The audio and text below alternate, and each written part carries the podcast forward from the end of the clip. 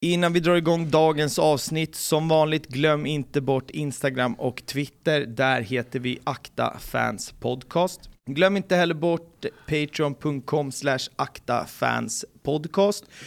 Kommer att fortsätta gnugga ut eh, flera kortare avsnitt där. Vi bollar fortfarande idéer, eh, jag och min kära klippare Ruben. Allt började med att jag började tuppa med en djurgårdare på Twitter. Jag tyckte inte han verkade riktigt klok först. Slutade med att jag blockade honom. Tiden gick och jag hörde av mina Djurgårdsvänner vem som faktiskt ligger bakom kontot och då landade det. Fick reda på att bakom kontot låg en legend med Rågsvedligan och som var med i begynnelsen och starten av DFG. Idag ska vi prata om de tidiga åren i Rågsved och resan därifrån. Vi ska prata om Twitter och DIF i allmänhet. Det är en stor ära att säga välkommen till Äkta Fans Podcast, Tommy Arvidsson. Tackar bockar, ödmjukast. Hur är läget med dig? Uh, jo, men det är bra. Uh, skönt att det här blir av till slut. Ja, ja. Vi, vi, har ju surrat om det och det har ju mm. diverse saker har hänt som har gjort Precis. att vi inte har, har, har kunnat eh, sitta egentligen. Men jag är också riktigt, riktigt taggad på att eh, äntligen få, få, få till det sådär. Och vi har mycket roliga grejer som vi ska gå igenom idag. Jag tror att, eller jag, jag vet att det är mycket Djurgården som lyssnar för de vet vem du är och vet mm. vad du har gjort för, för, för Djurgården och supporterkulturen och läktaren och sådär. Sen vet jag att det sitter eh, massa bajare och aik som eh, undrar vem fan är den här jäveln egentligen? Tjena alla! så att, eh, ja, vi ska väl ta reda på det om inte annat i, idag. Men eh, först och främst så Berätta lite, hur, var, varför blev det Djurgården från början? Liksom? Uh, först kan jag säga att jag blockade inte tillbaka. Nej, Nej jag blockade aldrig någon. Nej, vi kommer komma, vi kommer komma dit kommer också, hur, hur, vi, hur vi liksom uh. vände på den uh, till slut. Det, den kommer också. Nej, men uh, jag blev djurgårdare genom min farsa. Ja, tidigt, min farsa är djurgårdare. Så jag har starka minnen när Djurgården vann guld 83 var min farsa iväg med ja, polarna och såg matchen tror jag. Jag tror det var i Skandinavium där sista, men han var inte där. Men de kollar hemma hos någon och ringer hem till mig. Jag var hemma och kollade, SM-guld, SM-guld. Ja, där blev jag fanatisk kan man säga. Ja, och det, det som vi ska lägga till här så, så folk får ihop matten. Du är född 73. Eh, Precis, att, eh, gammal i gamet. Så ja. Att, ja. Nej men så att, så att eh, egentligen kan man säga att Djurgården fanns med dig liksom redan så länge du kan minnas. Och så. Exakt, så ja. är det. Så är det.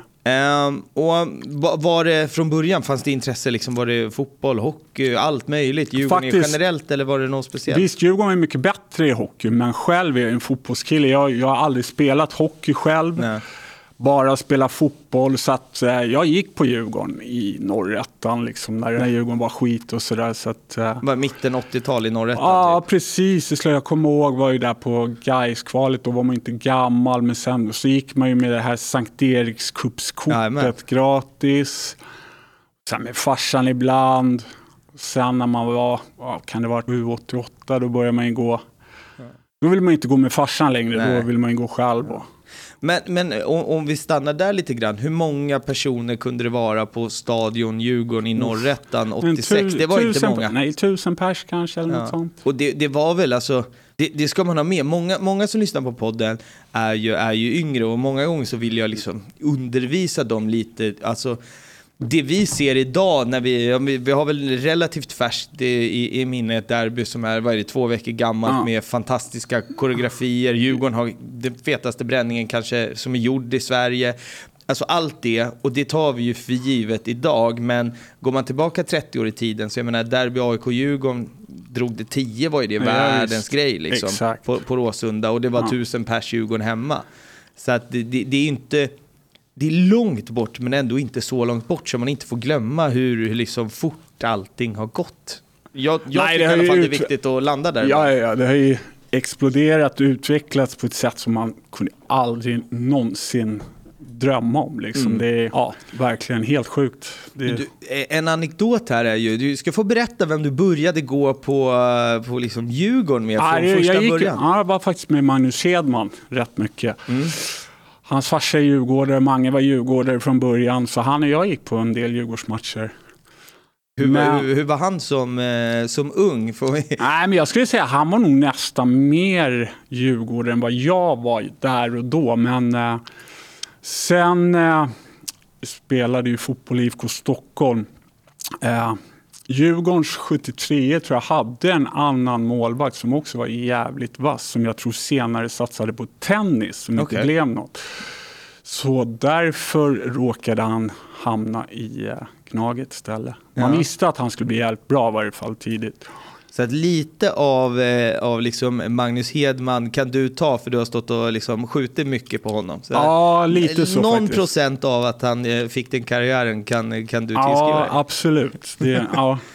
Eh, men du växer ju upp i, i, i, i Skärholmen och där jag vill att vi ska liksom ta, ta det riktiga avstampet här någonstans. Du, du växer upp i, i, Skärholmen tills du typ är 15 bast och Exakt. sen går flytten till Rågsved. Och Ja.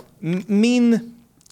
Så här, ja, ja, jag har mycket vänner som, som, eh, som idoliserar liksom old school Djurgården.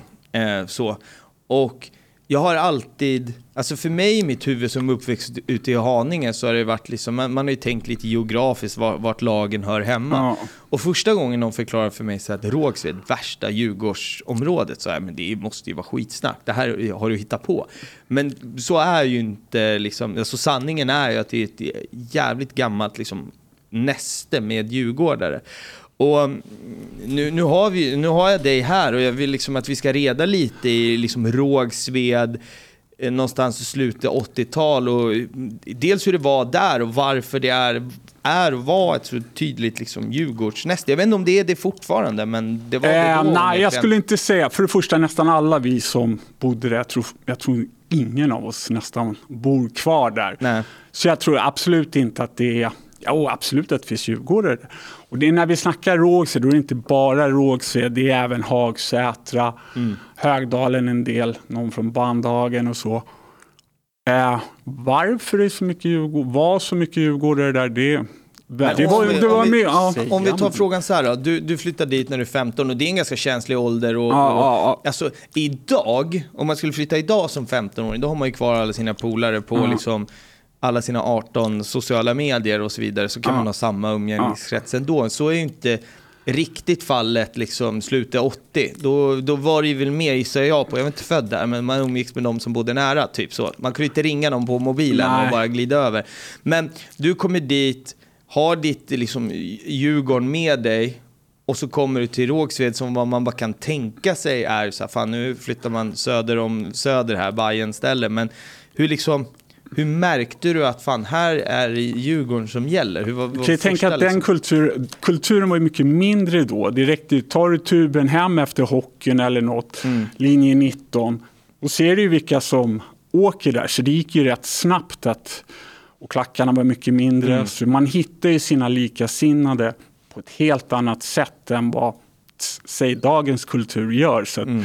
det gick rätt snabbt. Jag vet inte, det, det, vi var en riktigt det var säkert ja, 30-40 pers, men det som var... Och alla i samma ålder? Var det Ja, ganska allihopa, blandat, eller? ganska blandat. Eller olika åldrar ändå, det var det ju. Men det som var, sticker ut tror jag var att det var verkligen många så karaktärer, starka karaktärer, alltså som har gjort sitt namn genom åren. Så det är liksom Mm. Ja, inte så här, vilken, till- vilken som helst, utan det är väldigt många som har varit drivande i, i vår kultur. Det, Mm. De är från Rågsved och Hagsätra. Så, ja. Det var faktiskt min nästa fråga. Eh, vi, det finns ju några sådana liksom ställen. Vi har ju gjort ett avsnitt om DIF Haninge och vad de Japp. har, har betytt och vad de betyder för, för Djurgårdens läktare i, idag. Sådär. Men om du själv skulle säga, vad har liksom din generation, linje 19-gubbar betytt för supporterkulturen runt Djurgården och där ni är idag?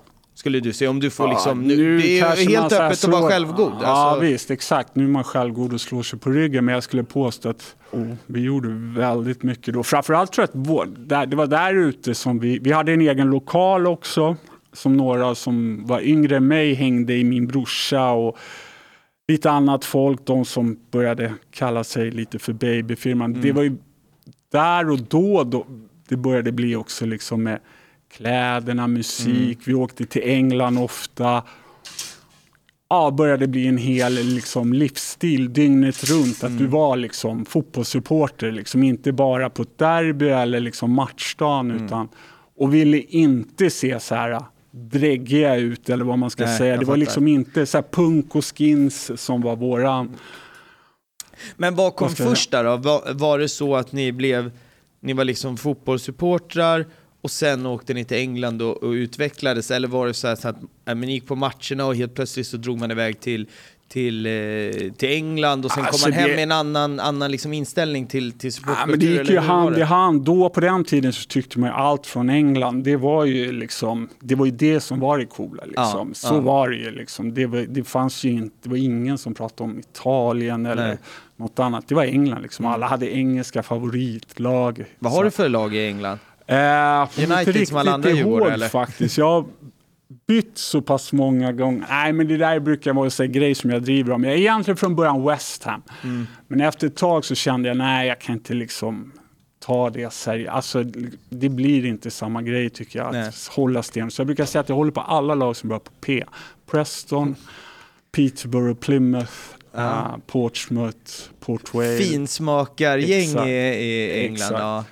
Nej men det är ju, det där har jag diskuterat och det där tycker jag faktiskt är jätteintressant att diskutera så här, du vet, över en bärs efter någon match, just det här Mm. med, med att ehm, med, med att ha and, andra lag, för att min åsikt, och det har jag ju nämnt liksom hundra gånger här i podden, är att alltså den dagen, det är klart som fan att Liverpool, Arsenal, Manchester United, alla lag i England är ju, det är ju liksom ett annat universum. Ja, Om man ska dra det till sin spets, så där jag önskar att AIK är någon gång, så kommer det vara konkurrenter Mm. Ja. till AIK. Alltså, det är fortfarande samma sport, det är inom Europa, vilket gör att man är konkurrenter. Sen att det är ett annat universum, det är därför jag har svårt att, att ta in det. Vad ska jag ha Manchester United som favoritlag och sen råkar AIK gå till Champions League och så ska jag heja på båda? Alltså det, det blir konstigt för mig. Ja, är det, är det lite samma känsla? Ja, det är lite samma. Det är klart man kan ha så här, det, i nästan varenda jävla tabell så har man något slags litet favoritlag Ja. på skoj som du läser liksom resultaten. Men exakt, det går inte att kä- känna så här passion för ett lag som du kanske ser en gång per år. Och Nej. liksom, nej, jag kan inte riktigt relatera till dems, ja, deras supporterskap eftersom jag bor inte där. Jag, liksom, nej. Men så egentligen, ni, ni tog influenserna därifrån och var det så att ni, ni liksom kom hem där, ni åkte väl, eh, jag antar ett gäng gånger och sen kom ni hem och var så här, fan varför gör inte vi det här liksom på våra läktare? Det jo, var den exakt. känslan eller? Ja. Och ser ut som dem och var som dem, sno, sno allt liksom, från kläder, sånger, det var ju sen fanzines, ja, hela grejen liksom. Körde du de här, det har ju ryktats klassiskt Djurgården på den här tiden, de här långa Umbro-jackorna? Ja, självklart. Ja. Ja. Geogoj, byxorna och så här Djurgårdsfrilla, guldörhänge Amen. och Amen. hela kittet, Ja. topp till tå. Ja, nej, det, det, vi ska se om vi hittar någon bild där vi kan lägga Ja. ut på riktigt så här old school, hur, hur, Ja. hur liksom, för att eh, sen 2005 så var det liksom så här, en casual ser ut, då har man någon slags Stone Island på sig och sen när man är he- hemma. Ja. Men det, det var, ju, var ju mer, alltså på den tiden, då var Ja. det jacka, skor, skjort, alltså allt. Det var ju... Vi försökte, fast vi kanske inte riktigt... Ja, så gott klev vi inte kunde. riktigt mål alla gånger. Nej, inte riktigt. Nej. Nej. Men om, om vi ska ta den, Den liksom, ut- utvecklingen som sker, ni är där ni tar influenser, men det som de facto händer liksom här hemma är att ja, men det är väl samma tid, det är norrättan och det är tusen pers på matcherna. Hur frustrerande var det att, liksom, att, att leva Jo. med den, att man, man har ett driv och man vill någonting, men att du måste ju ha känt när du gick på stan att det var liksom några få tusen i en miljonstad i Stockholm som förstod vad ni var Precis, för det- människor. det- Alla andra tyckte väl ni var dumma i huvudet i princip? va? Exakt så, för det, det är det jag tror att yngre, den här ultrasgenerationen inte riktigt, när vi växte upp, eller när jag växte upp först, det var ju liksom de här som hängde i klackarna, det ansågs ju vara lite så här kufar liksom. Mm. Inte så här, det var inte direkt så här coolaste snubbarna i varje förort. Nej. Alltså i början, Nej. men det var där, det började ändras ganska mycket där och då. Det blev mer prestige och större hela rörelsen. Men precis som du säger, det, det, det, känd, det fanns ju gånger liksom när man träffade andra liksom i samma ålder som inte var inne i den här grejen som liksom, vad fan, vad vad, vad gör ni för grej liksom? Mm. Som inte fattade det där. Men, Jo, och då det- kunde man ju alltså- aldrig drömma att det skulle bli som det är nu. Ja, nej men om, om, om man säger så här, min- min referens där, du är ju ungefär 20 år äldre än vad jag är. När jag gick gymnasiet till exempel så förstod folk dag ett i mitt sätt att föra mig, Ja. i klädstil och allting, att om den här snubben går på fotboll, det här Ja. är liksom en ståplatskille från AIK. Och det gjorde att jag, kanske är, man är narcissist, fan vet jag, men jag uppfattade att så här, att folk tyckte att det här är en cool kille Ja. för att han gör det här. Ja. Och det är ju, ah, vad ska vi dra, 10 år sedan, 10-12 år sedan som Ja. jag började gymnasiet. Och då blev ju jag helt plötsligt ja, men den coola killen för att jag gjorde det. Men jag gissar på att när du kom upp i gymnasiet så, blev, så var det helt tvärtom. Alltså de Ja, coola, de verkligen. coola kanske, Precis. de gick på hårdrockskonserter kanske, fan vet jag. Ja, eller ja, var lite så här kickers kanske, Ja. grabbarna, eller vad man ska kalla det för. Mm. Men eh, ja, nej, det, det var helt annorlunda då, men som sagt, eller början av 90-tal och fortsatte sen. Sen började det hända rätt mycket 92 där i kulturen med EM och så i Sverige. Mm. Det gjorde det. Då hände det mycket hos alla och fem var ju... Va, var, du på, var du på Gärdet där, 19 bast, Japp, eh, japp, 92? japp, japp, absolut. Fick du, fick du, åkte du på en, eh, en känga där eller? Eh, jo, det gjorde man väl. Både, man fick nog både ge och ta och sen, ja. Nej men, nej, men det var kul. Det var kul. Eh, för för, för det, det jag tänker att liksom nästa steg in i det här avsnittet är ju att det som händer här med, med den här Rågsvedsligen Rågsvedsligan som, som jag har förstått det själv, så får ju du självklart rätta mig om jag har fel och, och sådär, men den ligan som ni är där och som liksom tar in det engelska blir väl någon slags begynnelse till, till DFG? Alltså, Ja, eller? alltså inte helt och hållet. Alltså självklart, alltså vi var ju en eh, grogrund, alltså en stor bult och sen så hängde ju vi. Vi var ju liksom inte helt isolerade. Vi umgicks ju med andra djurgårdare givetvis på matcherna. Mm. Men vi var ju absolut den största, vad ska man säga, orten, alltså den största delen, absolut. Men sen hängde vi ju med folk från allt, från ja, Sumpan, Hallonbergen, Ja. Haninge grabbar.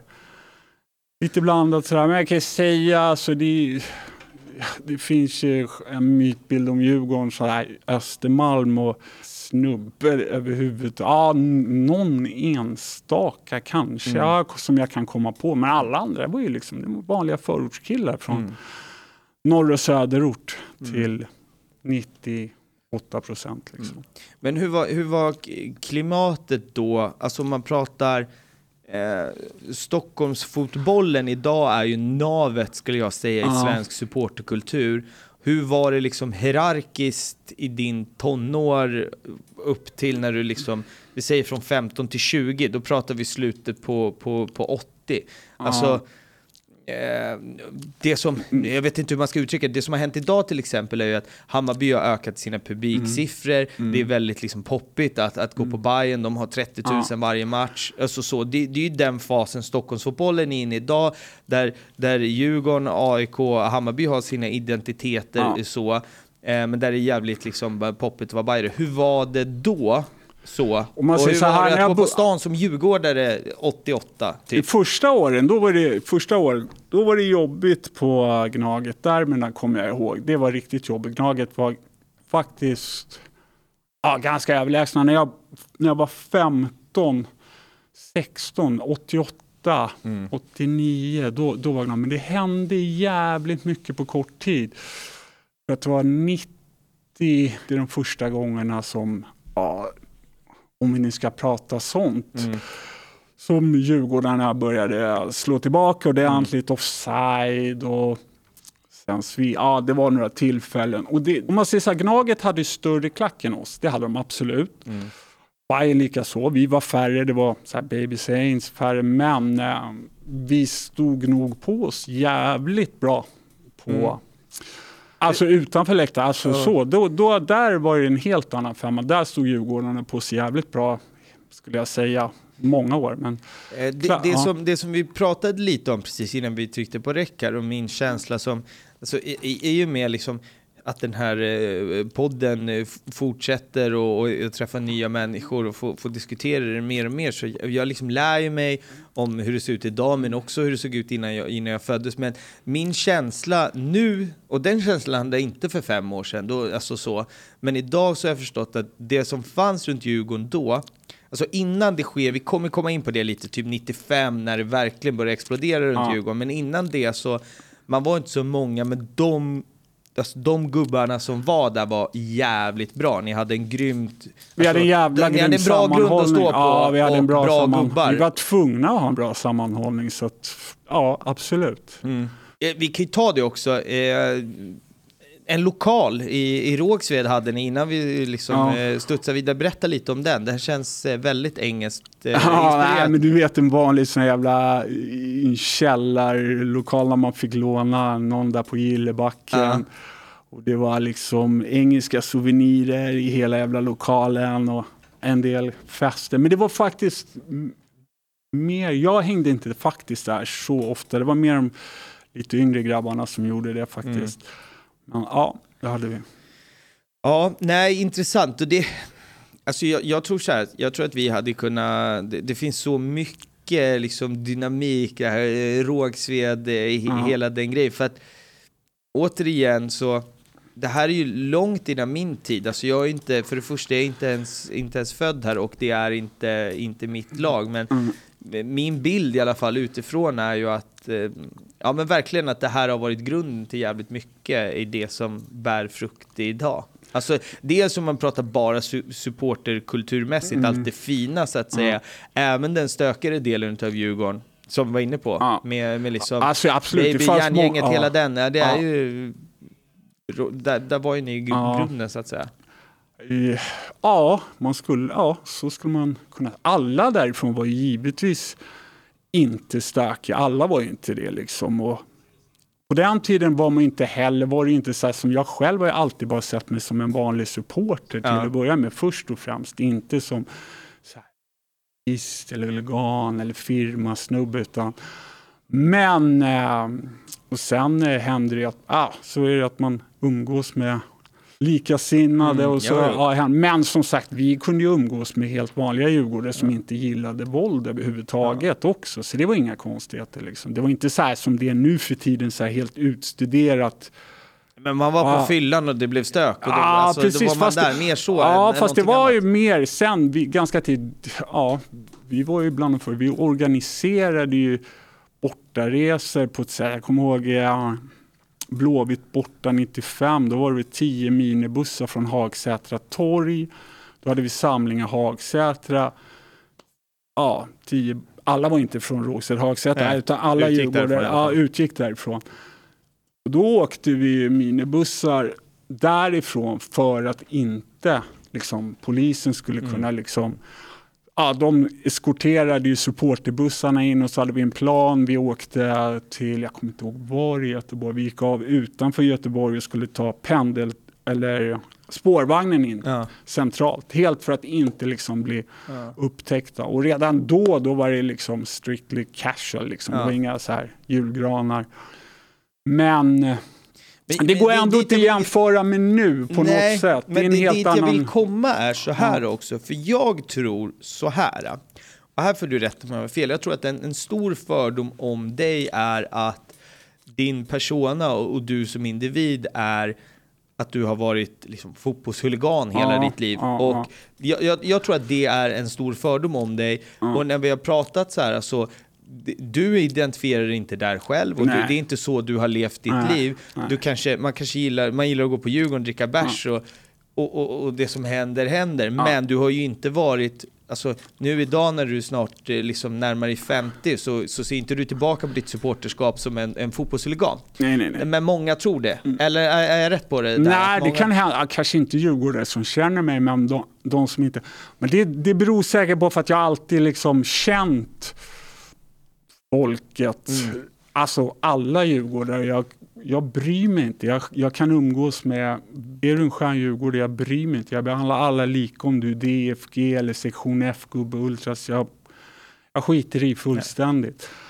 Nej. Och eh, ja, vad ska jag säga, nej, jag, alltså jag är mer, har mer varit en klacknörd än Mm. jag är liksom någon slags så här, Jo men det, det, det, det är så vi också har, Ja. har liksom anledningen till att du sitter här nu egentligen har ju blivit för att jag, jag förstod ju mer vem det är och, och, och, och, vad du brinner för i Ja. form av, du brinner för supporterkultur, Ja. du brinner för, ja men precis som du säger, Ja. klacknörd. Ja. Eh, vilket, vi kommer komma in där, vi ska ha ett eget segment och vi ska prata om, om Twitter och sådär, men eh, det fattade jag och då var det så här, okej fan det finns ett annan, liksom en, en annan del utav den här herren som blev sjukt intressant för att då, då, då var vi liksom så här, fan vi är ju på helt samma bana och, och har samma liksom in- intressen och sådär. Men innan vi kommer in på Twitter, du, du, du skrev själv att Eh, du, 1991, och du tror att du är den första som inte får, som, som blir, ja, idag är det en avstängning, jag vet inte om det Ja. var på samma, samma sätt där och då, men Nej, Jag tror att jag är nog absolut, jag, jag vet ingen annan tidigare, men jag, jag, jag, jag blev det i varje fall portad. Mats Jansson i Djurgården var det som kom till mig och tyckte att jag hade stökat så mycket, eller de hade fått höra, det fanns ju supporterpoliser då som Ja. eh, följde klackarna redan då faktiskt. Jag tror att det var de som hade sagt till Djurgården att ja, de var inte nöjda helt enkelt. Ja. Så att ja, då, då blev jag portad. Men... ehm, hur man- kändes det då? Vad Nej, det här? jag var då är du helt 22 knäckt. bast. Nej, jag var det, det här är ju jävligt- hela ditt liv egentligen. Ja, jag var jävligt knäckt då faktiskt. För då var det verkligen hela mitt liv. Så att, men det, tänk då att kulturen var så pass liten så att man kände ju nästan dem i Djurgården och Ja. så vidare. Han kändes ju nästan dum Mats Jansson när han skulle säga det till mig. Men vad fan Tommy liksom sådär. Ja. Det slutade med att vi ja, kom fram till en deal att jag fick hjälpa till ute på Kaknäs när Djurgården skulle bygga de här stängslen på träningsanläggningen, Mm. spika stäng, ja, vad heter det, staket där. Ja. Så ja, någon, några dagars sommarjobb. Det är lite Sen var man såhär, tillbaka. samhällstjänst nästan, Exakt, fast i så. Djurgårdstjänst typ, för att få komma tillbaka. Exakt, ja lite så. Ja. Och där bryter vi av avsnittet lite grann för att prata om 11 juni.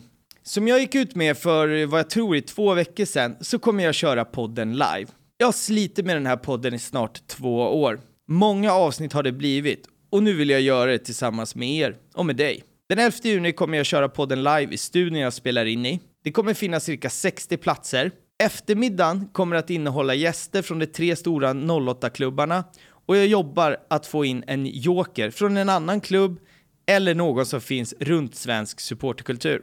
Det hade betytt jättemycket för mig om du ville komma och kika så jag får träffa er som lyssnar. Det kommer bli en eftermiddag och kväll i svensk supporterkulturs tecken där vi har jävligt kul tillsammans. Och om du tvekar, kom för min skull, för att stötta mitt arbete, så skålar vi efteråt och har en grym kväll tillsammans. Hörni, vi ses den 11 juni.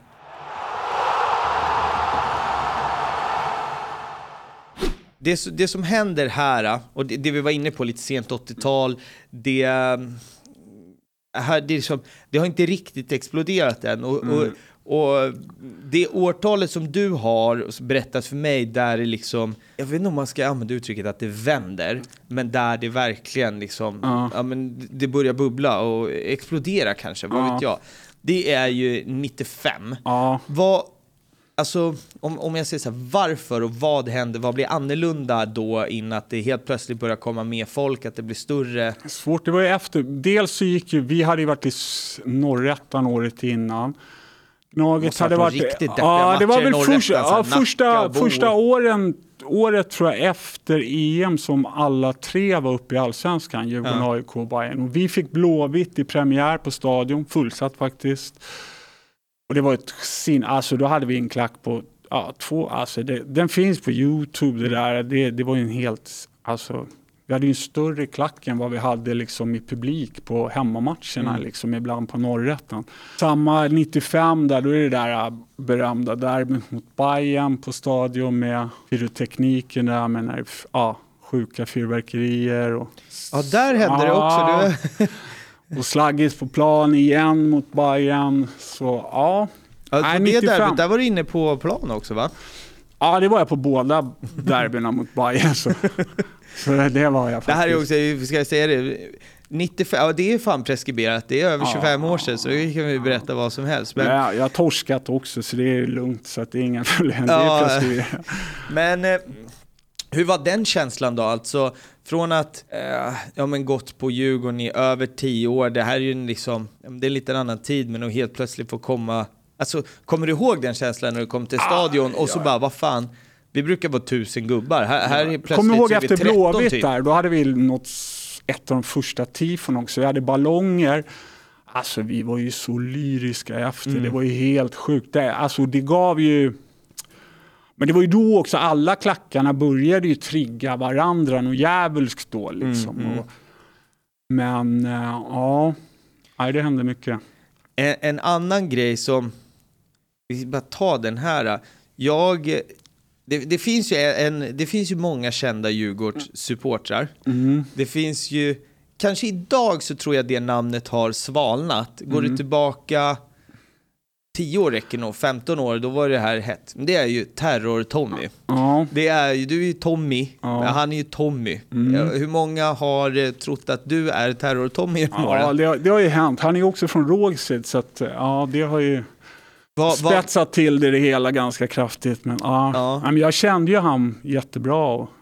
Va, vad var det för snubbe om vi bara ska ta det? Det här är också lite finsmakare. Det är många yngre som lyssnar som har ingen aning vad vi snackar om.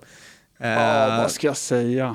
Ja, vad ska jag säga? Hans, alltså, det han har gjort, det säger rätt mycket vad det är för typ av snubbe. Ja. Han är, nej, men, men, men ja, vi kan ta jag, det. Berätta, vad, vad, är det som... Han, han blir ju terror-Tommy efter en händelse. Mm.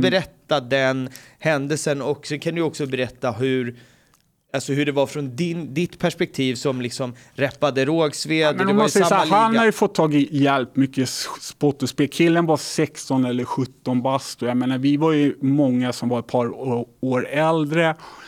Och han tyckte väl att vi var cool. Du vet en sån här kille som gör någonting för att, göra, ja, för att imponera och han fick liksom spottkoppen sen efter. Det finns ju många andra som ja, vad ska jag säga? Berätta om den här enskilda händelsen när han hoppar in på plan. Bara så här, det finns ju folk som inte vet vad vi Nej, pratar men han, om. Eh, ja, jag kommer inte ihåg exakt, men han sprang in och sparkade ner domaren. Helt enkelt. Sprang in på plan och sparkade ner domaren och sen blev han väl gripen och sen när han blev släppt på kvällen så tror jag han sänkte en gnagare samma kväll i Östermalmstorgs tunnelbana. Mm. Rejäl. Alltså det var, det var kaos. Mm. Men ja, vad ska jag säga? Nej, men, ja. alltså, min känsla här är ju mm. att det bubblar, det börjar hända mm. någonting, Djurgården får jävla snurr på, på, på läktarna och det är ja. verkligen, här är väl liksom det, det, de första stapplande stegen tas ju till det ni är idag här, ja. Ja. men det blir ett sånt jävla bakslag för att en 16-åring hoppar in och sopar domar, eller? Jo, absolut. Jag fick själv fett dåligt samvete efteråt och fan det kändes som allt, alltså ingen nu kan ens föreställa sig hur, hur bespottade vi, Djurgården, var mm. där och då i media. Det finns inget lag som har varit med om ett liknande drev någon gång. Alltså det var ju, det var helt sjukt. Det går inte ens, Djurgården hade inte ens sponsorer i två år efteråt på sina tröjor. Det var ingen som ville befatta sig med Djurgården fotboll. Det var, det var fullständig katastrof. Mm. Alltså. Så att, publiksiffrorna, allt. Alltså det dog mycket. Det var självklart. Eh, man fick, ja. Ja, om, om man tänker, är det, är det inte i den här vevan också Blue Saints? Eller är det, Nej, är det, det blir lite senare, ja. lite senare. Men ja, det, det, det var ju, vad ska jag säga, ja. Men, alltså det måste ju varit sånt, alltså, ja, vi har ju pratat om det, men det är ju en sak Alltså om, om man tänker till dagens fotboll mm. så hade det ju varit en sak om en en gruppering, mm. en enskild ultrasgruppering, en firmagruppering eller vad som helst agerar på en läktare mot en ja. annan gruppering så att säga. Eh, och, och, då kan man ju, även fast det är en, en skandal, det blir mm. ju skandalscener idag också, men då går det lite för för, för klubbarna att isolera, det var den här grupperingen, de står för det här. Men det måste ju varit så jävla slag när inte det var lika tydligt på den här tiden, att det här är en ultrasgruppering, det här är en firmagruppering, när en snubbe kan liksom fucka för allihopa. Ja. Det måste ju varit så, så jävla surt alltså. Ja, men det var ju det också att efter det där spelet kom väl igång, men att folk var ju så uppretade och galna på, på, på läktaren när mm. det fortsatte, så att de var tvungna att blåsa av för att det var för hotfullt. Mm. Så att Men du ska tänka på att på den tiden, den dåtidens sportjournalister hade ju otroligt dålig koll. Ingen av dem hade någonsin själva stått i en klack. Nej. Dagens sportjournalister, de har ju många av de bästa, de har ju koll, kan kultur. Liksom. Ja, ja. Är ju nästan läktarnördar själva och har ju en helt, helt annan förståelse för än ja, hur det var då. Och, och det som händer individuellt för dig i den här vevan, alltså vi har varit inne lite på det här, fram tills liksom den här, om vi säger 95-96 så har ju du eh, du har ju varit med i Rågsvedligan, Mm. eh, järngänget har blivit eh, DFG, du har varit eh, polare med dem. Du, som du själv säger, du kanske inte har identifierat det med det, men du gillar ändå casual-kulturen, det engelska och så vidare. Men här någonstans så, så vill du göra en förändring i ditt supporterskap. Nu, nu, nu Absolut, vill du liksom ja. göra någonting, fan, och det, det, är ganska likt, din story blir ju i många fall ganska likt det, det som vi hade gästen i, i Diff Haninge-avsnittet här, just vad fan, nu vill jag göra någonting bra för Djurgården. Vad, vad gick i dina tankar där och, och, och Äh, men varför? det, jag har liksom? alltid gillat liksom själva kulturen med stämningen, sången, hela den grejen. Jag kände att där tappade vi enormt därefter det som hände. Vi hade byggt upp någonting som var bättre än vad jag kunde drömma om 95 och så raserades allt 96. Mm. Så sen 97, 98, ah, helt enkelt la jag ner all energi liksom på den grejen, började engagera mig mycket i järnkaminerna, Blue Saints. Så ja, sen fortsatte det. Hur, hur Där. kändes det då? Att, att komma till samma, liksom, samma läktare, samma arena, samma folk, men med en annan approach till matcherna. Alltså hur kändes det för dig och vad var reaktionerna från liksom... Det, för i, i, i det fallet så gissar jag på att du hade några polare som gick samma väg som dig. Sen hade man ju säkerligen några polare som drog en, bara fan nu kom, vi ska göra det här. Nu. Jag, tror, ja, jag fattar vad du Det, menar. det, det handlar om Ja, att vara trygg i sig själv där. Och Ja. hur trygg var du i dig själv så att säga? Eh, jo, jag var nog rätt trygg i mig själv. Det är klart att det fanns en och annan som kunde säga någonting, men samtidigt så tror jag att eh, ja, jag blev, vad ska jag säga, respekterad för att jag la ner så mycket på det och det var också liksom någonting som gagnade hela vår kultur. Så att jag var bättre på det helt enkelt. Jo, men, jo men, men så är det ju också när, när jag har liksom, vad ska man säga, efterforskningar är väl, är, är väl fel ord, men allt jag har hört liksom på, på omvägar om, och mina Djurgårdspolare som går mycket är ju liksom att du är ju en människa idag som äger otroligt mycket respekt och det är inte, du äger inte den respekten för att för det stökiga du gjorde 94, utan du äger ju respekten för allt bra du har gjort för, för Djurgårdens läktarkultur. Och där, det tror jag att, återigen, är jävligt viktigt att trycka på, för jag tror att det finns folk som inte tillhör Djurgården som sitter med eh, diverse fördomar om, om vem du är och, och, och din historia, så att säga. Det, det är i alla fall det jag vill, vill skicka med. För att jag har alltid bara hört så här, fan han har varit så jävla bra capo och han varit drivande på läktarna och, och, sådana saker liksom. Ja, det hoppas jag. Hellre, hellre det, absolut.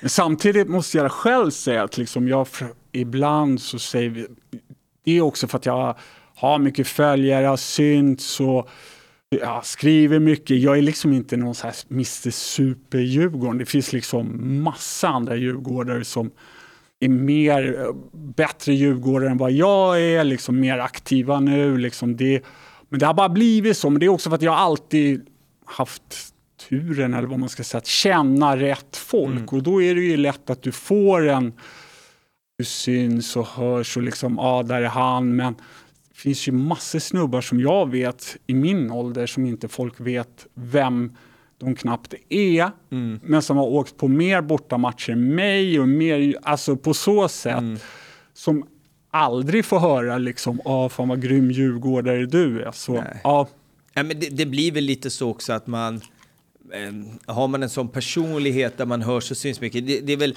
jag, jag är väl också ett sånt Ja. exempel. Alltså idag när jag går på matcher så eh, liksom kommer det fram yngre, så här, du vet, unga tonåringar som tror Ja. att jag har varit på varenda, varenda AIK-match i, i 15 års tid. Det är ju inte, det är jättelångt ifrån sanningen. Det finns ju Nej. liksom, jag har inte åkt på så, alltså, det är klart jag har varit på bortamatcher, men jag, menar, jag, jag har ingen perfect season, jag har aldrig ens varit nära. Men folk Nej. tror ju det bara för att man kanske har en plattform eller eh, att man, man hörs och syns och är en sån personlighet. Precis. Men du, du, eh, du skapar ju en, en ganska bra brygga här över till Och jag tänker att vi ska ta det. Vi kommer fortsätta din, din, liksom, din, din supporterresa, men det intressanta här blir ju du har ju ett jävligt omtalat Twitterkonto, kort sagt. Ja. Eh, och jag tänker att vi ska liksom fastna där och ta det som en egen liten del här. För det jag började, och det, det jag sa i introt här var ju att det började ju med att så här, jag dök upp, jag var ganska ny på Twitter och sen, sen bara, vad fan, vad är detta? Så började jag tuppa och jag bara kände så det här är inte klokt den här människan. Men sen, sen har ju jag poddens eh, Twitter Ja. och, och sen eh, och där började jag liksom följa jättemånga konton som rörde svensk supporterkultur. Där halkade jag in på ditt konto och, och, och där var det så här, vissa grejer med mina AIK-ögon blev det så här, vad fan, men sen skrevs det jävligt mycket bra också. Ehm, och det ena ledde till det andra, vi, vi kom i kontakt, du, du, eh, jag tror du skrev någonting positivt om podden och då fattade jag så men det här är ju också en läktarnörd. Så. Och sen började vi surra och nu sitter vi här. Men jag vill bara så här, eh, för här tror jag speciellt att det sitter, du, vi har garvat åt det här innan också, jag tror att det sitter en massa aik som undrar vad i helvete är det som försiggår här? Va, berätta om ditt, liksom, eh, eh, vad är Twitter för plattform för dig? Och, För det första kan jag säga att, alltså, jo, för det första, jag var fett sen med sociala, jag har aldrig ens haft Facebook, eh, Insta, ja nu har jag Insta också men inte alls aktiv och var jävligt, ganska, inte så här, jag, Twitter hade ju varit, jag vet inte hur länge jag har haft den.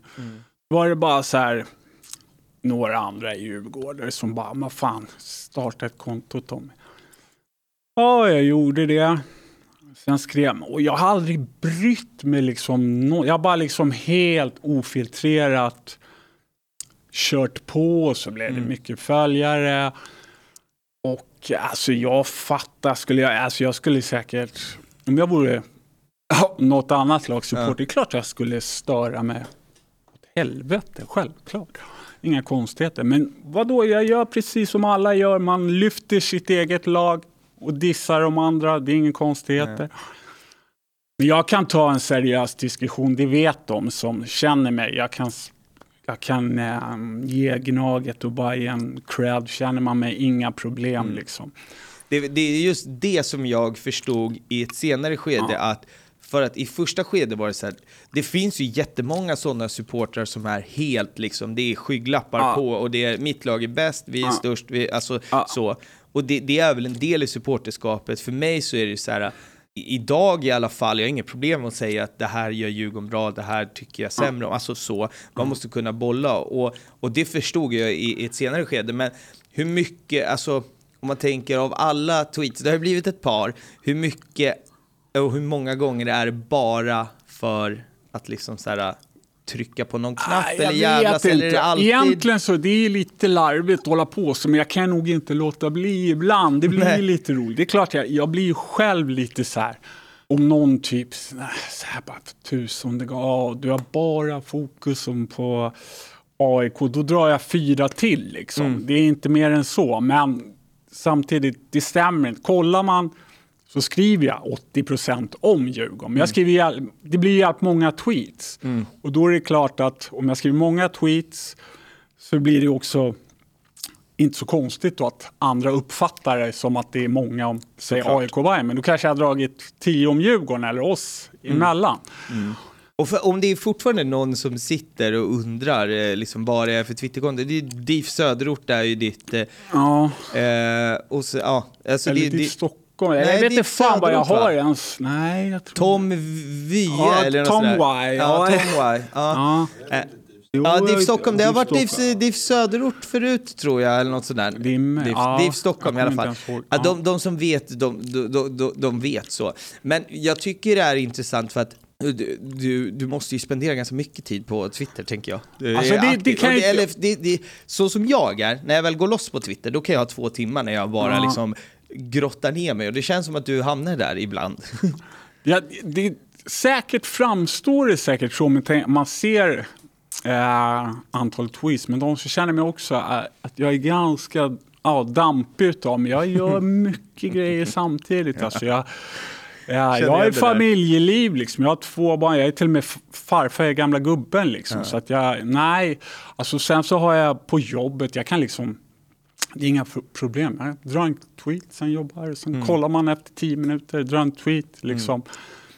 Det, och det, ja. det är det här som, det intressantaste för mig med den här sittningen och med det här avsnittet är ju också att jag har ju fått en, en, en helt annan bild av, från det här liksom, Twitterkontot som jag en gång kom i kontakt med och blockade, till att jag kom i kontakt och pratat liksom, med dig i, i, i DMs om att liksom idén till att sitta här, till att jag träffar dig, alltså allt det här så har ju bilden förändrats successivt för att jag förstod ju liksom vart du vill komma. Och jag förstod också humorn i det för mycket av det du skriver ibland, till exempel när du pikar AIK, det är lite det, jag kan ju se att du gör det ibland lite för att jävlas, för att du vet att du kommer få hundra personer som kommer säga att du är dum i huvudet. Och jag, jag gissar här och det blir väl kanske veckans rätt eller snett. Uh, men jag tror att du tycker det är lite kul ibland. När folk det är klart, reagerar. Jag det är kul. Och det Sen så har det blivit så här att det är många djurgårdare som typ så här, jag är redan, vad ska jag göra? Jag är redan bränd om man säger så. Mm. Jag kan inte ändra min image eller uppfattning vad folk tycker mig. Jag är redan bränd om man säger. Så mm. det är jävligt många som djurgårdare som DMar mig. Fan kan du inte skriva det här? Kan du inte göra det? ja. Du vet sådär. Och då, då tar jag, jag gör det. Jag bryr mig inte liksom. De får...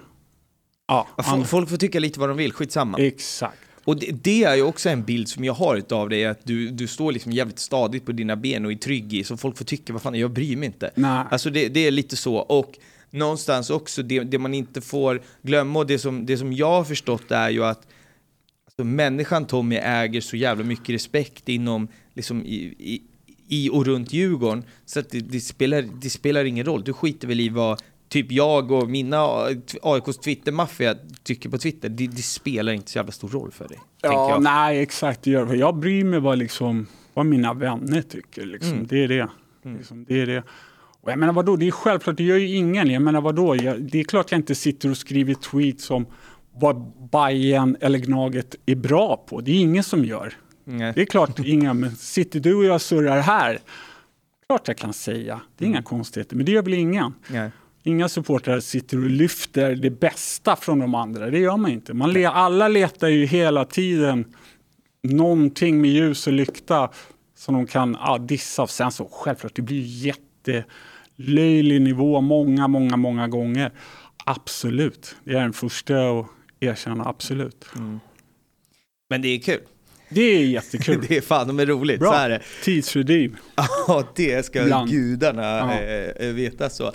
Nej, men det, det, är ju också, jag vet inte riktigt vad vi ska, vad vi ska döpa det här avsnittet till. Eh, vi, vi får ju se, men ditt Twitternamn tror jag. Och alltså skulle jag bara döpa det här avsnittet till ditt Twitternamn, då jävlar blir det fart. Och, nu har man ju nästan så här, fan jag har ju kämpat för att byggt upp det här troll imagen, sen håller man ju nästan på att rasera det här. Ja, nu har man kämpat är... i tio år på att förstöra allting här nästan.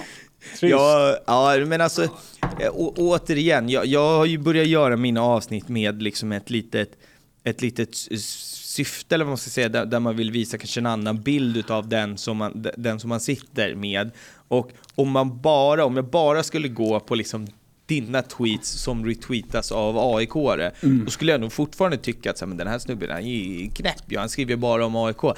Men sanningen är ju precis som du säger, att Eh, går man in och man skulle scrolla igenom din Twitter-feed så, så, så har du ju jävligt mycket vettigt också så att säga. Och sen ibland så slänger man uh, ut och jiddrar lite med Bayern eller AIK eller någon publiksiffra här, så man, man hittar ju det, men det, det kommer ju mycket vettigt också. Det är ju min bild, att bakom de här uh, ibland liksom trycka på knapparna, uh, trycka på alla motstånd och supportrars knappar så finns det en jävligt vettig och bra gubbe bakom. Det är väl lite det som har varit syftet in i det här. Jag är rätt skoningslös när det kommer just till Gnaget och Bajen. däremot har jag inga problem och det har ju säkert många. Jag kan hylla, mycket enklare för mig att hylla Malmö eller Göteborg eller smålag, supporter, absolut. Men ah, Gnaget, Bajen. Jo, men du har också gått på, liksom, eh, gått på Djurgården i ja, inte 40, men snart 40 ja. år. Och det, man lär sig, alltså, min farsa lärde mig när jag var liksom åtta och gick de där tycker vi inte om. De där är ju, alltså man blir ja, ju... Så är det ju. Men vad fan, jag är inte dummare än att fatta själv. fan, herregud, många av de snubbar som man sitter och äh, gnabbar med som mest i Bayern eller Gnaget. förmodligen skitsköna karaktärer. Mm. Skulle man hålla på samma lag då hade man ju förmodligen ja, hängt ihop, eh, haft jävligt roligt ihop. Mm. Jo, men eh, och, och så är det ju. Ja. Och det landar jag ju så otroligt ofta liksom här att Ja. jag menar, jag var, jag var med och kollade på eh, St. Jimmy Sebastian Cricket Club med eh, typ så här, eh, ja vad kan det ha varit, 20 pers från DIF Haninge. Ja. Sådana som man krasst, ja, några känner jag, men säkert som man har jiddrat med på Twitter genom åren. Men det är ju samma skrot och korn. Det är bra Självklart. gubbar, hur trevliga människor som Ja. helst, var det askul. Alltså, det, det är ju sanningen. Sen att man hejar på olika lag och det är kul att tuppa, det, det, så, så, så är det väl.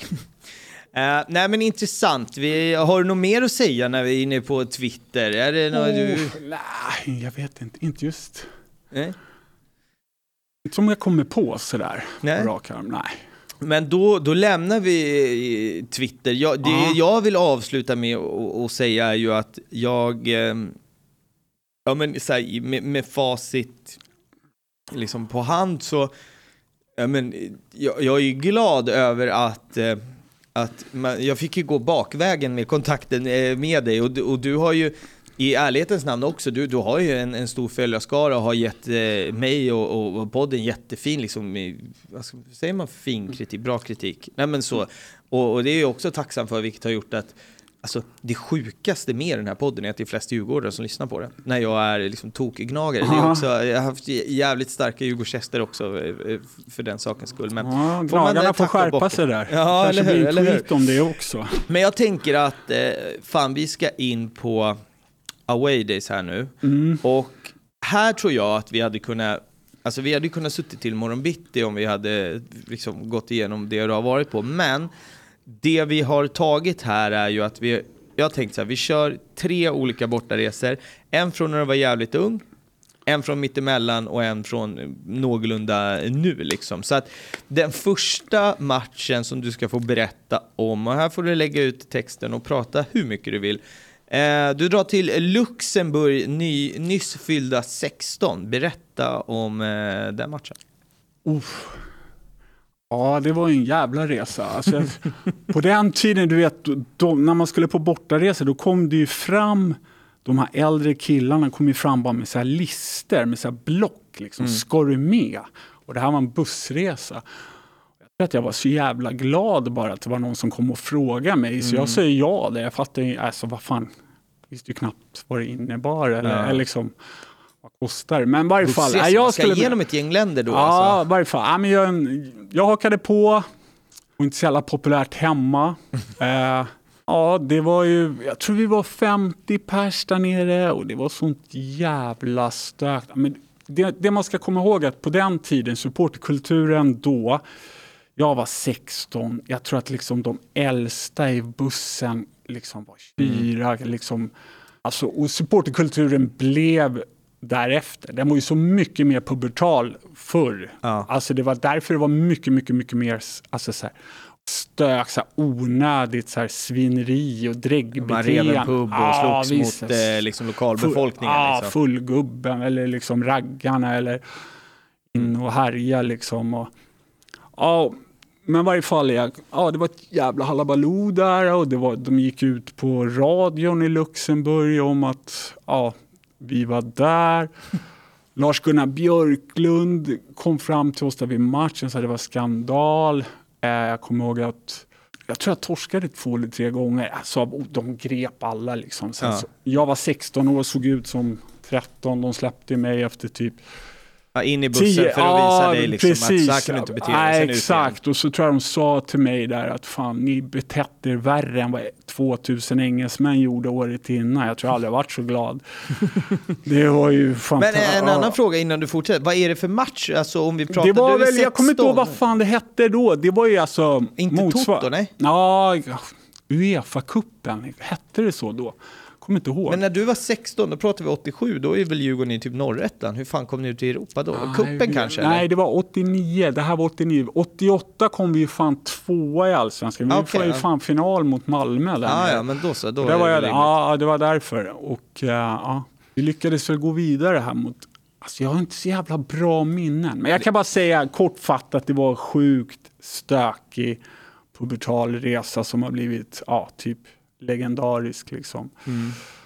Uh, Undrar om vi inte har haft det upp Luxemburg, Ja. kanske från ett annat håll i, i den här uh, podden tidigare. Ja. M- Många avsnitt, nu börjar det bli riktigt rörigt att hålla koll på alla avsnitt Ja. man har spelat in. Nej men eh, spännande, och sen eh, blir du lite äldre. Eh, 2004 tror jag att det är.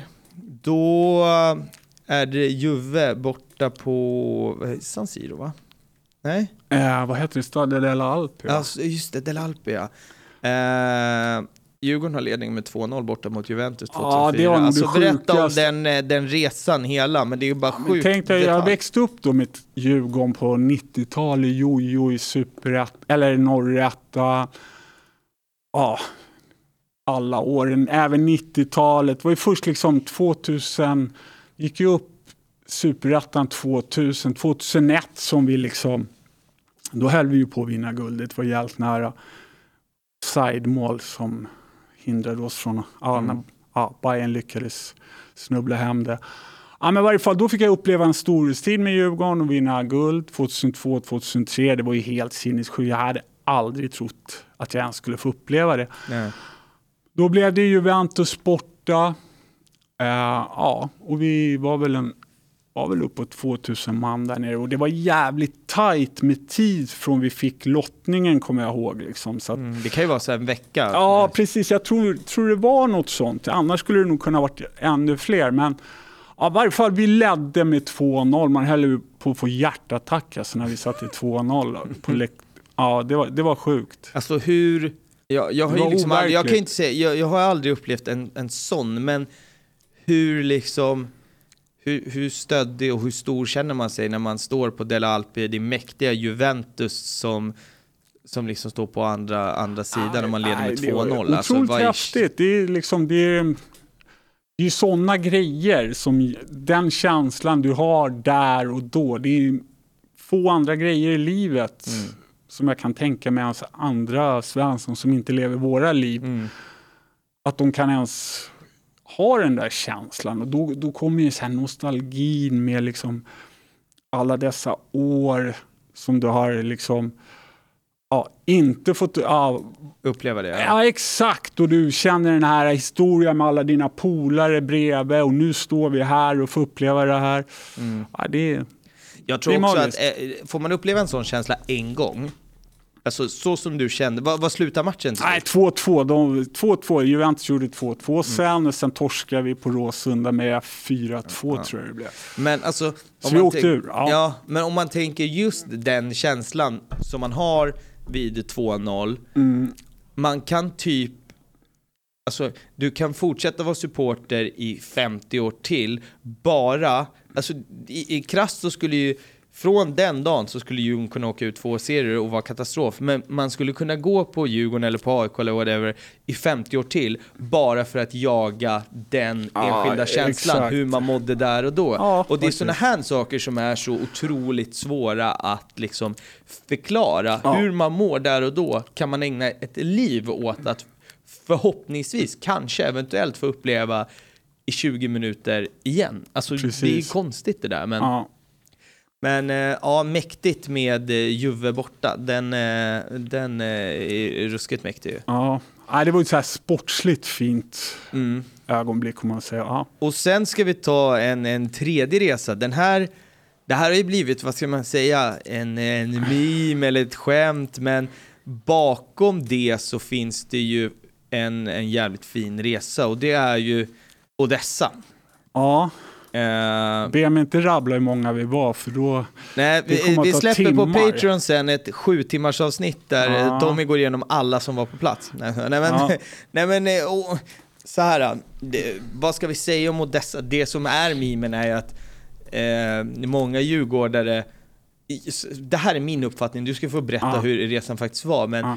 det var ett, jäv, en, ett jävligt fett resmål som folk inte riktigt förstod hur fett resmål det är att vara i Odessa. Eh, det var mycket Djurgården där och eh, man upplevde det som en jävligt mäktigt, och det var mäktigt liksom, men det som har blivit mimen är att det har blossats upp hur många det har varit. Så det var någon på Twitter som skrev vi var två, sen skrev när, när vi var fem, vi var tio, och sen helt plötsligt så var liksom bilden att eh, det var 75 000 Djurgården i Odessa. Men Exakt. det är Ja. ju det som är mimen. Men du var ju där, du har ju liksom upplevt eh, sanningen och jag har ju hört sanningen från andra Djurgårdare som var där liksom. Vad, om vi börjar, ni får Odessa som destination, vad var känslan då? Ukraina? Alltså vi liksom? fick ju först, det var ju Mariupol vi möter. Ja. Eh, och då var det ju liksom, man började, ja, vi, vi var ju jävligt hungriga på Europa, vi Mm. hade ju säkrat den, vi var ju ja, det var länge sedan Djurgården hade varit i Europa då, eller hur? Precis. Vi säkrade Europa sista omgången eh, borta mot Kalmar säsongen innan och då var det flera tusen Djurgården där. Så det var en stor grej. Men så fick vi Mariupol och det, alltså, det var ju inte direkt folk, nej, inte så superspännande. Vad fan är det för något? Mm. Östra Ukraina, inbördeskrig. Jag kommer ihåg att det var ah, någon det bild var som liksom- här ultraslåt. Ah, det, det, det var- finns ju det- alltid när man ska ut i Europa. Det var ju helt, nej det var ju inte så jävla... De stod med så här vapen, alltså Kalashnikov Ja. på deras ultrasbilder. Vad är detta alltså? Eh, Ja, men det var så först och sen så blev det väl flyttat till Odessa. Och det började ju folk fatta att det är lite säkrare där. Men jag hade ärligt talat hade inte bra koll på Odessa heller. Nej. Som stad överhuvudtaget. Eh, ganska snabbt visade det sig att det var omöjligt att chartra flyg dit för Djurgården eller något. Så det var ju liksom bara för alla att försöka ja, rodda sina resor själv. Och det var inte heller lätt. Det är liksom inte till Kiev vi ska liksom. Nej. Utan till Odessa, en, ja, vad är det, tredje, fjärde största. Så det var inte alldeles lätt. Va, vad skulle man kunna säga i Sverige? Det är som att man skulle åka till eh, alltså Uppsala, Malmö, Ja. Göteborg, Stockholm. Det räcker inte. Man måste... Ja, det var- något, något sånt. Jag tror Odessa är fjärde största eller något sånt där. Ja, men okej, det är så stort Ja, ändå. tror ja, det är det. Det är en miljonstad ändå, men jag tror det är väl Charkiv och Le- Lviv är väl större. Ja, tror okej. jag. Ja. Alltså det är inte, det är inte liksom Katrineholm? Nej, det är det absolut inte. Nej, nej, nej. Absolut inte. Nej, men om man säger så här, det var, det var inte alldeles lätt att ta och framförallt inte billigt heller. Nej. Eh, Folk Det är begränsat, begränsat med, med flyg. Liksom. Så att, eh, jag själv flög till Moldavien, till Chisinau och tog en taxi därifrån genom det här Transnistrien, bakvägen, förbi ryska checkpoints, kom upp bakvägen och in i Odessa. Det- det var sjukt att det, det var, då, då ska vi fastna för det, det man hört bara om historien är att Ja. folk flög till Moldavien och åkte taxi i liksom två länder för att komma på plats. Ja. Och, och jag tänkte, men det kan ju inte stämma, men du gjorde det alltså. Ja, ja, ja, hur, hur var det? Och du, alltså, du flyger till Chisinau och därifrån så bara, går du fram till en taxichaufför på flygplatsen? Nej, det hade jag faktiskt bokat. Vi hade styrt det faktiskt innan. Men det var den andra snubben jag åkte med, som, eh, eller det var två andra jag åkte med. De hade styrt det. Ja, men det gick rätt smidigt. Det var väl just det där att det, ja, jag vet inte, nu är ju det på tapeten, Transnistrien. Alltså, det är ju en så här, rysk utbrytargrupp. De hade ju så här, checkpoints där, så vi fick åka förbi där. Då var det med ja, stridsvagnar, står de där. Och, Mm. ja, men, det var, Fan vad absurt det måste Ja. vara. Man ska kolla på Djurgården och få liksom ja. brottas med ryska tanks för att Ja. komma dit. Det är, eh, Nej, men det var ju den känslan där till slut sen när man började läsa många Djurgårdare som ändå började boka. Mm. Alla bara skit i det, vi åker på ett eller annat sätt. Vi åker. Alla, ta sig ner, hitta ditt sätt liksom. Mm. Så att, eh, det har väl spett på den här myten, men nej, det, var, det var ju fantastiskt Men faktiskt när myten man hade väl var kanske där. inte blivit lika stor om det var liksom ah, det var 2500 eller jag vet inte hur många det var. Jag har hört typ två, mellan 2 och 3 tusen. Nej, nej, nej, så många var vi inte. Vi, Ja, jag tror, vi var 1300 tror jag att vi Okej, var. det- 1300. Nu har vi sanningen om Plus Odessa. 10-15 tusen eller något. Ja. Nej, jag vet inte. Eh, nej men Ja. alltså, det hade ju varit skillnad om det hade varit så tror jag att eh, ja, men, eh, Arlanda, Odessa. Ja. Då, då hade det, men nu blir det ju, det är klart den blir mytomspunnen om man får åka taxi genom två länder och ryska tanks för att komma ner. Det är klart det, det bidrar till liksom, Mm. mytologiseringen av den här eh, resan. Liksom. Och sen var det väl, alltså arenan var ju, det var ju skitlångt för deras supportrar också. Det Ja, var det var typ det. dit på arenan plus Ja, en liten klick av deras, eller hur var det? Precis, nej de hade väl typ 40-50 mil typ Ja. att åka och sen dessutom så hade de ju liksom inbördeskrig, Ja. Mariupol där, så det var inte alldeles lätt för deras supportrar. Ja, Men deras till ultras var ju och saken krigade Ja, typ så alltså, utan att skämta om det. Ja. Alltså, de, de, det var ju liksom, de tog ju till vapen i, och då Precis. kanske inte liksom, Dju- Djurgården 50 mil bort var så prioriterat. Nej, exakt. Så, så var det. Men till saken hör, det, du hittar inte många följaren från något lag någonsin med mer än tusen pers i Ukraina. Då kan du ta Ajax, Röda Stjärnan, Nej. du kan ta väldigt många. Så att vårt följe stack ut riktigt, riktigt, riktigt Mm. rejält där hos dem bland ukrainarna. De, de var chockade kan jag säga. Ja. Nej men alltså så här, om man ska liksom någonstans eh, baka ner sanningen om Odessa är ju att äger ni skryträtt för den resan? Ja. Har det blossat upp? Ja. Alltså det, Ja, ja, ja, det är klart det, det är det klart och det har skämtats om, men i grund och botten så ja, klart som fan jag äger skryträtt för den, den resan. Det, det kan vi ju bara slå fast för att det var inte så jävla lätt att ta sig dit, så är det. Ehm, men, äh, men strålande, vi lämnar away days. Det, det jag vill att vi kommer in på lite nu är vad som har hänt, eh, liksom, vart, när vi går in i ett nytt millennium och sådär, så tar ju din, din supporterresa en liten annan, annan roll. Du, var, du sa ju det, eller vi pratade om det, där 95, att så här, lite annat fokus vad man vill göra på, på läktaren och sådär. Och här någonstans, skulle jag säga, av den bilden jag har av, av det, är väl att här börjar du verkligen, den respekten du äger idag på era läktare tar, tar vid någonstans runt millennieskiftet där där du först och främst kliver upp på, på räcket i Mm. en, en capo-roll. Och Mm. hur, hur var det liksom 0-0 och vara var capo på stadion? Jag vet inte, alltså. För det första så, jag kan vara ganska så här blyg ibland, så det var ingen alldeles självklarhet. Men Nej. eh, det bara blev så, jag vet inte varför att det blev så. Det blev jag och så en annan som heter Jon. Det var ju, Gulle hade ju varit ganska mycket innan, men han körde ju sitt race. Det är alltså Jige från Ja, eh, det tidigare Djurgårdsavsnitt. Eh, ja, så det var, blev väl ett par år där och det är också en av anledningarna till att liksom jag har fått det här namnet. Det är klart, för man syntes ju. Liksom. Mm. Står, du, står du längst ner på Södra och drar igång, det är klart som fan alla känner igen en och vet vad man heter och hit och dit ska Mm. snacka. Så det bidrar ju givetvis till ja, den grejen. Liksom. Men sen blir det, om man går på, alltså går man till samma ställe under tillräckligt många år så kommer ju till, alltså folk till slut känna igen en. Så är det. Grejen för dig är ju att du, du är ju nära 50 nu vilket, och du har gjort det så jävla länge vilket gör att alla som har gått på Djurgården länge har ju ett nylle på dig och ett Så namn på det, dig. ja. Och då blir det ju per automatik att man blir igenkänd. Det är ju inget konstigt Nej. så sett egentligen. Speciellt inte om man har haft en ledande roll tänker jag. Ja, nej, men det Och- var... ja. Eh, och, nej, men, eh, jag tänker bara liksom, vad, vad hände sen? Vad, I i, Nej, i supporterskapet? Ja, man körde det ett par år, men efter ett tag så man får bli lite äldre och framförallt så blir det ju någonstans jag har aldrig varit så här helt övernostalgisk, för att jag var en av den generationen som liksom ville föra in nya grejer i Djurgården och Ja. tampades med de äldre som tyckte att vi var så här kul, för vad fan håller ni på med det här med Mm. kläder och bla bla bla. Mm. Så att jag kände liksom, fan, när jag var över så här 30, liksom, nej, det är inte mig folk ska se upp till. Liksom, vad fan, en, en 20-åring, fan, jag började leva familjeliv. Jag Mm. insåg liksom, fan det är bättre, det ska vara yngre killar. Liksom. Mm. Visst, jag var lite så här skeptisk i början till så här ultraskulturen och så där. absolut, det var även jag, men insåg ganska snabbt, nej, det är de som ska styra skit. Fan, det ska inte vara en gammal stofil som jag. Så, Mm. och det är jävla tur det, för att de har ju varit ja, grymmare än vad vi någonsin var. Mm. Så att, Men någonstans här, jag vet inte vilka år det här är, men du är ju involverad i, inom, inom järnkaminerna också. Ja. När är det, vad var det som hände där med, med Blue, Blue Saints? De fanns, det hände någonting, Djurgården sa att vi kan inte stå bakom er längre, eller be- berätta. ja, vad, jag var inte så engagerad just där och då.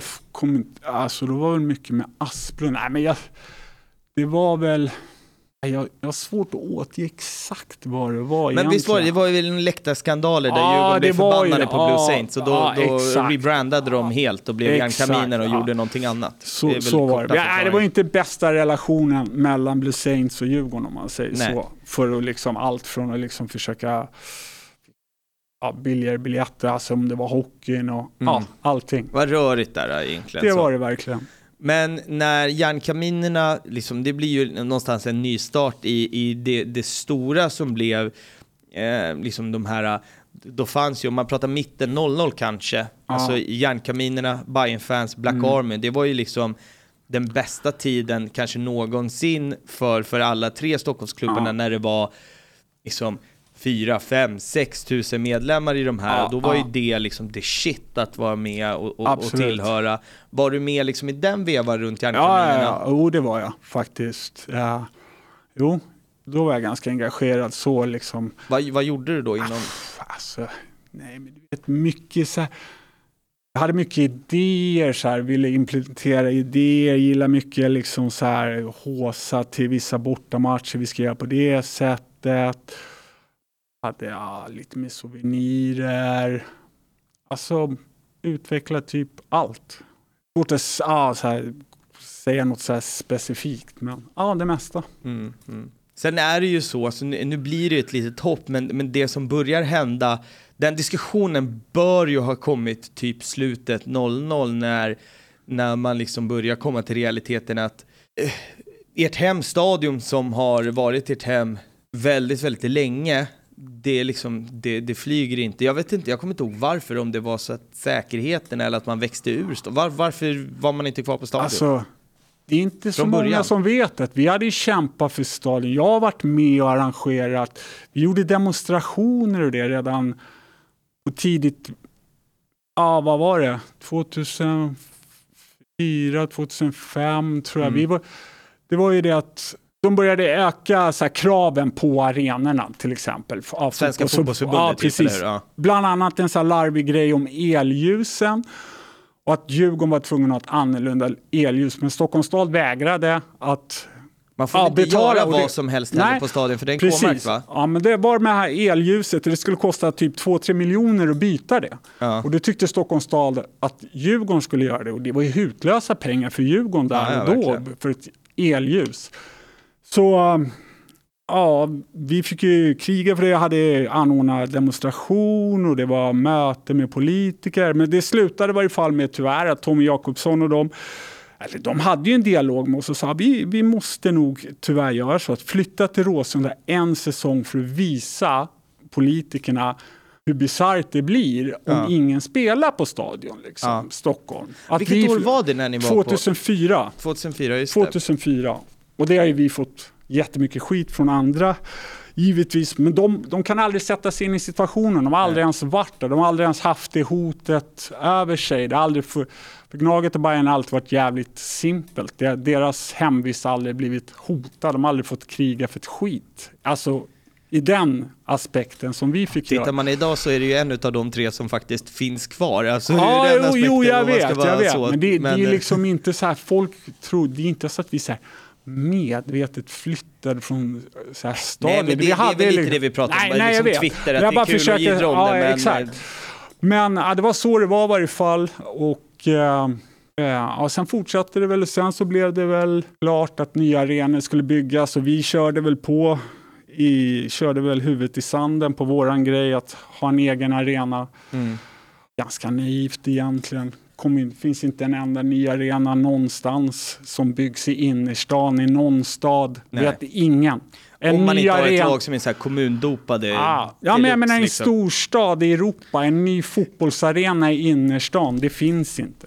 Ja, det Ingen. kostar ju en miljard att köpa Exakt, tomten bara. Liksom. exakt. Det finns inte. Det är Så, svårt. Ja, Men en, en sak som jag, eh, det är väl egentligen en helt så här, eh, en bifråga, men som, som jag ändå, i och med att du har så jäkla många år på nacken inom Djurgården, någonting som, alltså, det är klart som fan, här sitter jag, du, du, du alltså, vi hejar på olika lag, men någonting som man måste vara ärlig med och säga där, där Djurgården är bra och där man har varit bra under en lång tid, är att man är jävligt duktiga på att resa. Som sagt, man fick ner 75 000 i Odessa, nej men, eh, nej, men man, man är jävligt duktiga Europaresor, borta, man har bra följe och det är känslan att det har varit så under en väldigt lång tid inom Djurgården. Och man, man slår sig själv, alltså gärna på bröstet själva för att man är kanske bättre på bortaplan än vad man i, i, vissa år har varit på hemmaplan. Vad, vad tror du att det liksom grundar sig Varför är Djurgården så jävla bra på att resa? Uh, vet inte. Vi, vi, vi, alltså för det första kan jag ju säga rakt först och främst, nej vi har inte alltid bra följen. Vi har också dåliga och sämre följen, absolut. Det är som alla andra. Men skulle du slå ut de senaste 20 åren så är det ingen tvekan om att vi har haft jävligt bra följe. Mm. Eh, och riktigt varför vet jag inte. Vi har stor andel, men däremot så är det kanske vår svaghet då att vi inte likt AIK Bayern attraherar folk på hemmaplan på samma sätt. Så det har blivit lite kanske våran, precis som Bayern gärna går loss om sitt hemmasnitt eller AIK självklart mm. också, vilket är förståeligt. Man är klart man är stolt över det. Så har väl vi varit stolta över våran grej där vi framhäver oss och det mm. har väl ja, varit bortafärgen. Mm. Och det, alltså, det, det är klart som fan det tar emot att säga och jag, jag säger med det sagt, det, det, det, finns jättemånga lag som är jävligt bra på bortaplan, men känslan har alltid varit att bortaresekulturen, oavsett om det är liksom Värnamo en måndag eller om det är en Europamatch eller vad, så har det alltid, liksom, bortaresekulturen är jävligt bra rotad, men den har varit det innan, alltså det, det, min känsla, den har varit typ mer rotad än att gå på lunkmatcherna på Stadion eller på Tele2 många gånger, att den nästan har varit starkare med bortarese Svårt att eh, säga, det är inte som så att folk väljer hellre att gå på en bortamatch än hemmamatch, men det är väl, jag har sagt det, vi har haft en ganska, vi har haft mindre publik och lite mindre kärna än till exempel AIK Bayern. Vi har haft en jävligt aktiv, av de som verkligen är Djurgårdens kärna, mm. så det tror jag att andra lagsupportrar också vet att den är jävligt aktiv. Liksom. Mm.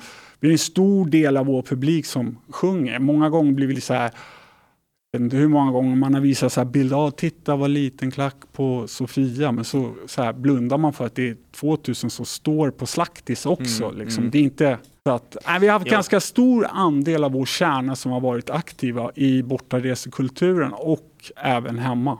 Mm, mm. Jo, eh, det, och det är alltid enkelt. Man hittar ju, det, det, det vet ju du om någon, man hittar ja, ju den statistiken ja, som passar, passar en bäst för situation och ställe och sen Absolut. pumpar man ut den och sen ja, är, är surret igång. Jag skulle gjort likadant, så ja. inga konstigheter. Men om vi ska säga så här, en ganska, ganska bred fråga. Du har, du har liksom, du har gått på Djurgården på liksom typ tusen närmast sörjande i, i norrättan du har varit på eh, tre etage DIF på, på, på Friends.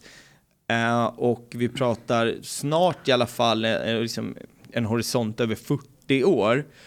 Om du liksom, jag vet inte, det är en så bred fråga som jag ska försöka konkretisera, men vad har varit liksom, om du ska ta ut några jävligt viktiga stolpar i den resan som har gjort från det, det som var när du började gå på Djurgården till Djurgården idag, har du några sådana liksom stolpar som finns eh, som har varit viktiga? Jag fattar att det är en skitsvår fråga så här alltså, uppstuds, Framförallt, men... jag kan väl säga så här att jag är inte en av de här som vissa i min ålder sa, ja men det var roligare för Nej. Det vi har nu, det vi har haft liksom, ja, här på Stockholmsarenan sen vi flyttade in och Alltså det är ju bättre än vad jag någonsin kunde drömma om för 20 år sedan. Det är mm. helt fantastiskt ultraskulturen och vad de gör. Det inspirerar mig och tycker det fortfarande är skitroligt att gå och göra att, ja, det, det vill jag framförallt säga. Eh, inte. Sen är det svårt att så här, stolpa upp sådär. Men, jag, ja, fattar, ja, jag ja. fattar att det är en knepig fråga, men vi har väl en sån stolpe är ju liksom 95 när det ja, börjar, ja, 95, börjar brinna och sen 2000 betyder jävligt mycket när vi gick upp. Det året hade vi jävligt roligt på läktarna. Det var då vi också började med med reseklubben Pike Kolberg drog igång. Eh, då hade vi jävligt bra följen eh, där i superettan. Så gick vi upp och var bra sen 2001 och 2002. Det var då vår ja, storhetstid mm. mm. började där. Eh, mm, de var det och sen, vad ska man säga? Men det intressanta skulle jag också säga så här med, alltså om, om jag ska försöka ge, jag vet inte om man ska hjälpa det till någon stolpe, men det intressanta med Djurgården vart man är idag, det var ju en period där det kunde vara jävligt deppigt på stadion vissa lunkmatcher. Och man hade ju kanske efter sin storhetsperiod, om man tar kanske sent 00 till mitten av 10-talet, där eh, liksom typ en tioårsperiod, där Djurgården var sportsligt lite mellanmjölk. Det man Vi var körde det här dåliga finska, både- ah. finska spåret och hade dålig ekonomi och man liksom var Vi var sju, dåliga åtta, både på plan och läktare då helt enkelt. Men då var det ju det där också, stadion var inte så jävla, alltså i hjärtat tyckte man ju självklart det. Men Mm. sen när man visste att de andra skulle få nya arenor, hela den grejen, det var inte så här, alltså en vanlig fotbollspublik tyckte kanske inte att stadion var så här Nej. Alltså, jag- superbra. Nej, och jag, Arena jag där fattar självklart ja. att, man, att man känner nostalgi inför stadion, men jag kan också förstå, om man ska vara liksom brutalt ärlig, att det, jag bara gissar hur det är att vara Djurgårdssporter. Man står på stadion, löparbanor, det är 7000 och det regnar och man ligger under med 1-0 mot liksom Halmstad. Ja, Och sen några, liksom, nå- någon mil norröver så, så, så har vi liksom nationalarena Råsunda. Det är klart som fan, hur mycket man än, man, man liksom, hur mycket man än tycker om stadion, så det där är ju någonting annat. Och oavsett hur jobbigt det än var, så tror jag att den flytten som man blev tvungen att göra Ja. till Tele2 det, det, det var ju viktigt för supporterkulturen och det har ju hänt mycket. Alltså, när man klev in på, på, på liksom Tele2 Arena så var ju inte Djurgården ett liksom, superslagkraftigt topplag i allsvenskan, men man har ju lyckats växa på läktaren och det det sportsliga där har tror jag är viktigt och, att lägga till. Vi har växt på det. Vi var inte ens speciellt bra. Nej. Ni ju, har ju varit bättre, det var i tio års tid. Eh, och vi fick otroligt mycket skit att vi sålde vår själ. Bajarna fick psykbryt. Eh, och då ska du tänka att och den här flytten, vi hade inte den märkvärdiga publiksiffror och helt plötsligt får Bayern sin sinnessjuka publikboom. Ni hade publikboom. Det var rätt halvjobbigt för oss där. Plus att vi det. torskade varenda jävla derby Ja. på det. Trots alla de där grejerna så har vi ändå växt riktigt jävla rejält. Så ingen annan kan säga att vi hade en sjuk jävla motgång första åren där på Tele2. Det var ingen lek, det var inte roligt. Det var inte... Ja. Nej, nej och det, det, det, det köper jag och hur mycket det än tar emot för mig att liksom ska man säga, credda Djurgården här, men, men det är ju en, en sanning och en realitet. Alltså oavsett vad jag, jag skulle kunna försöka hitta på vilken fakta som helst, men ni är bara en googling bort och ser ert publiksnitt år efter år. Alltså så har det hänt någonting. Och det är klart att det kommer också att man har blivit vassare sportsligt. Djurgården för tio år sedan, den klubben de är idag, det, det är ju två, alltså det är som natt och dag. Alltså vad Djurgården var 2012, nu kommer jag inte ihåg exakt den säsongen, men jag bara slänger iväg en gissning att man typ slutade åtta, halva laget var finnar och man hade liksom tre miljoner på kontot. Ja. Idag så är Djurgården guldaspirant typ varje år.